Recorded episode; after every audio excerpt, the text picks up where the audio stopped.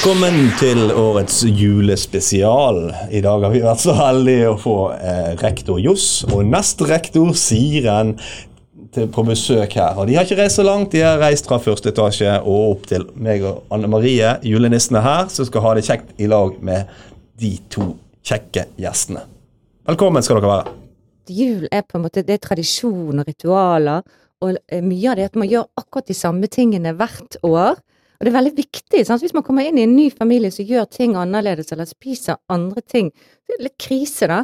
Hjemme hos oss, så, så, når vi pynter juletreet, så har vi alle de gamle tingene som de har laget når de var små, som de da begynner å krangle om. Er det meg som har laget den, og hvem er styggest, og av alle disse tingene som henger på juletreet. Det ser jo ikke ut i det hele tatt, men det, grå, det er viktig på en måte. Ja, for det er deres tre. sånn.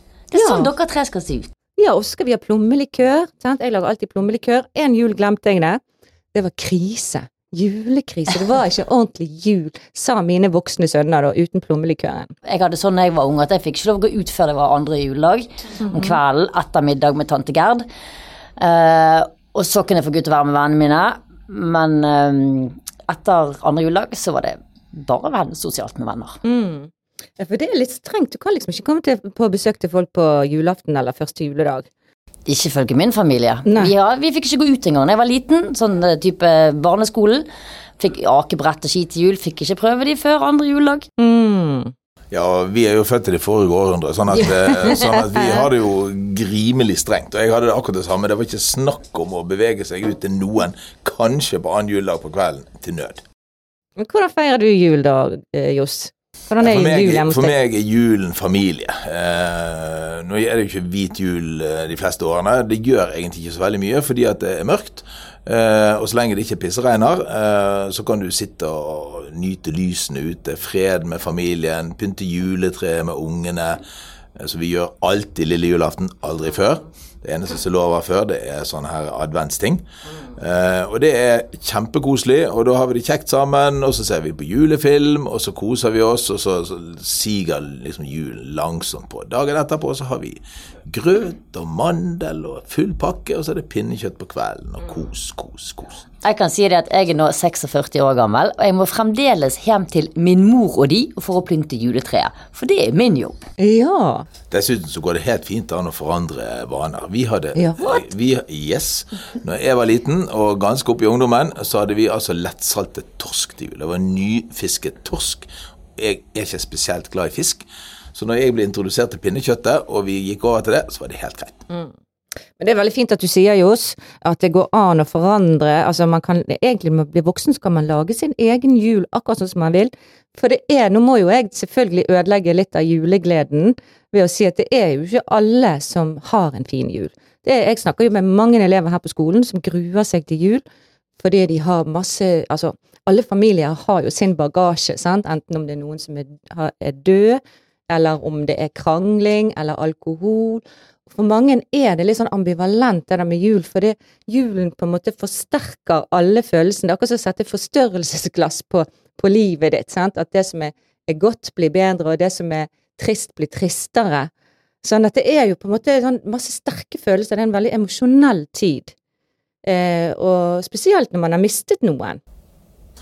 Ja, det, jeg har jo, Min kone døde for åtte år siden, så jeg har jo på en måte opplevd akkurat det den første julen. Bare meg og ungene. Eh, men, men samtidig så er det på en måte det er en tid å minnes også. Eh, mine barn vokste opp uten altså Mine foreldre døde lenge før jeg fikk barn, sånn at de hadde ingen besteforeldre sånn sett. I jul de hadde mine svigerforeldre. Men, men jeg tenker at altså, det er viktig likevel, selv om julen kan virke vanskelig, så må man prøve som seg og tenke hvem er jeg? Altså Man kan forsøke å fokusere på hva kan jeg få til, hva er viktig for meg, hvordan skal jeg gjøre denne julen best mulig for meg hvis man har det vanskelig. Problemet nå er at det er så mye fokus, du får så mye inntrykk alle veier på sosiale medier alt hvor vellykket alle andre har det. Men det er ikke alt det som postes på Facebook og andre steder som er kanskje det reelle bildet av hvordan julen er. Det skal man Ja, tenke det er på. sant. For det, ofte, det pleier jeg å si til disse elevene, at når du ser på sosiale medier, så ser du bare det ytre. Du ser fasaden og det ytre, og med deg sjøl så, så ser du også det indre. Sant? Du ser alle det gode og det dårlige og alt. Eh, sånn at kan, det er umulig å sammenligne seg. Og julen er nok en tid for sosiale medier. Altså det er lett å sammenligne seg, og det er lett å bli trist av det, da. Jeg tror, helt ærlig så tror ikke denne Insta-jul finnes. Nei, Jeg tror ikke det. ikke, det tror ikke jeg heller. Jeg husker jeg jobbet sånn akutt barnevern for en del år siden, og da hadde vi en teori. Da tenkte alle oi, nå er det fælt til jul, mye, mye problemer med drikking og, og konflikter i familier og sånn. Men, men det viste seg rett og slett at det var eh, Folk mobiliserer litt ekstra i jul. Folk ønsker å ha det bra. Det er rett og slett sånn at folk kanskje Eller jeg tenker at folk eh, legger litt eh, sjelen sin i at det skal være hyggelig. Folk er mer positivt innstilt. Og at folk er jo der for å ha det kjekt. Sånn jeg, kanskje det at eh, eh, folk legger en innsats i julen, eh, demper konflikter i familien, og, eh, og eh, snakke opp byggene til folk. Til vennene sine, til familien. At man prøver på en måte å ha det litt kjekt. Og det tror jeg hjelper veldig. Mm. Og så er det jo ikke farlig om, om man minnes triste ting heller. Det er jo ikke farlig å være trist, det er jo ikke farlig å gråte. Av og til er det egentlig ganske bra. Og så tenker jeg at vi kanskje skal introdusere et nytt begrep istedenfor god jul. Sånn eh, passe bra, god nok jul. sånn, for det, det er forventningene som gjør at vi blir skuff, skuffet og, og triste og lei oss. Sant? Så hvis vi kan på en måte bare ha ambisjoner om en passe ok jul uten for mye stress og alt det der glorifiserte Instagram-julen som du snakker om, Siren, så kanskje det blir litt bedre. Og det gjelder jo resten av livet òg. Det er jo det jeg snakker med disse ungdommene om. Forventninger og at det kanskje er bra nok, det hverdagslige, vanlige, kjedelige livet med sorger og gleder. Det er jo litt kjekkest å ha det bra i hverdagen, for det er jo flest av de. Selvfølgelig. Jeg vil si De ba- no- aller beste juleminnet mitt fra da jeg var ung, det var det at jeg fikk en ny bok til jul. Lå hele første juledag på sofaen, leste bok foran peisen. Det var bare digg. Det var bare ja, meg og boken min og peisen. Det er, det er kos. Og det var digg. Ser du på Askepott? Selvfølgelig ser jeg på Askepott. Du da, Johs? Må du ha Askepott med deg? Jeg ser på Askepott. Eh, Nå er det jo sånn i dagens drømmeverden at du kan se den når du vil. Nei, det er ikke lov. Det er ikke lov. Det er lov. Jo, fordi at det hender av og til det skjer andre ting på den tiden den går på det er regler der. Når begynner jul, da? Nå har det vært jul lenge. Jeg føler jo det, at jul varer veldig lenge, og kanskje lenger og lenger for hvert år. Men når skal jul begynne? Når går vi fra advent til eh, jul? Eh, Har vi noen grenser der nå i dag? Uh, Grevinnen og hovmesteren. Der er det. Det er da lille julaften. Den må, Jo, du, ha, sånn. den må du ha med på Ja, direkten. for, ja, for det, da er jeg nemlig ferdig til å pynte treet til min mor og de. Ja, og vi er ferdig med å pynte treet vårt. Og heldigvis, apropos det med Nå allerede? Gloret, nei. ja. Lille julaften. Grevinnen og hovmesteren, sier jeg. Uh, og uh, siden du da snakket om de glorete juletrærne, så er heldigvis mine barn like minimalistiske som jeg når det gjelder juletre. Så jeg er veldig fornøyd når de har pyntet det. En stjerne i toppen, det var det? En stjerne i toppen og litt til. Hvis du nevner én ting som er virkelig eh, min Hva er Du har nevnt én til Siren i forhold til det med å lese den boken. Mm. Etter største min. Hvis du har, har, klarer du jo å komme på noe sånn der, det, det, Dette ultimate jul for deg? Når- Når vi var små, så var hele familien samlet. Sant? Da var vi kanskje 25 mennesker på julaften.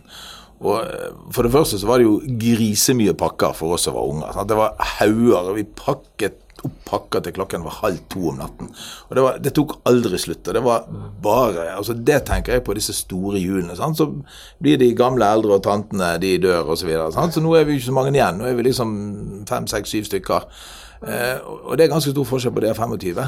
Eh, så mine minner er egentlig disse store julene der alle på en måte samles rundt omkring på de ulike eh, tantene sånn hvert år. Det var liksom det syntes jeg var fantastisk. Det husker jeg òg. Det der de familiebesøkene til de gamle tantene. Det var hyggelig, det.